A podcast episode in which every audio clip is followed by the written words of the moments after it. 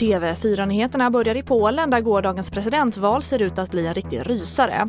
Enligt en vallokalundersökning skiljer det mindre än en procentenhet mellan den sittande presidenten Andrzej Duda och utmanaren Rafaj Trzaskowski och rösterna räknas fortfarande. Och det brinner på ett fartyg vid en militärbas i San Diego i USA. Branden ska ha uppstått efter en explosion och ombord ska det ha funnits 200 besättningsmän. Och enligt amerikanska medier har minst 21 personer skadats och fartyget har evakuerats. Och coronaviruset fortsätter sprida sig runt om i världen. WHOs senaste siffror visar att över 230 000 nya fall registrerats det senaste dygnet.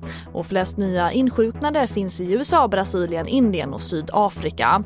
Totalt har nu 12,8 miljoner människor konstaterats smittade i världen. Och coronapandemin har fått svenska lantbrukare att satsa mer på vete och havre och mindre på maltkorn. Det är efter att efterfrågan på pasta och andra torrvaror ökat samtidigt som efterfrågan på öl minskat, rapporterar SR. Och enligt Lantmännens prognos ser spannmålsskörden i år ut att bli normalstor.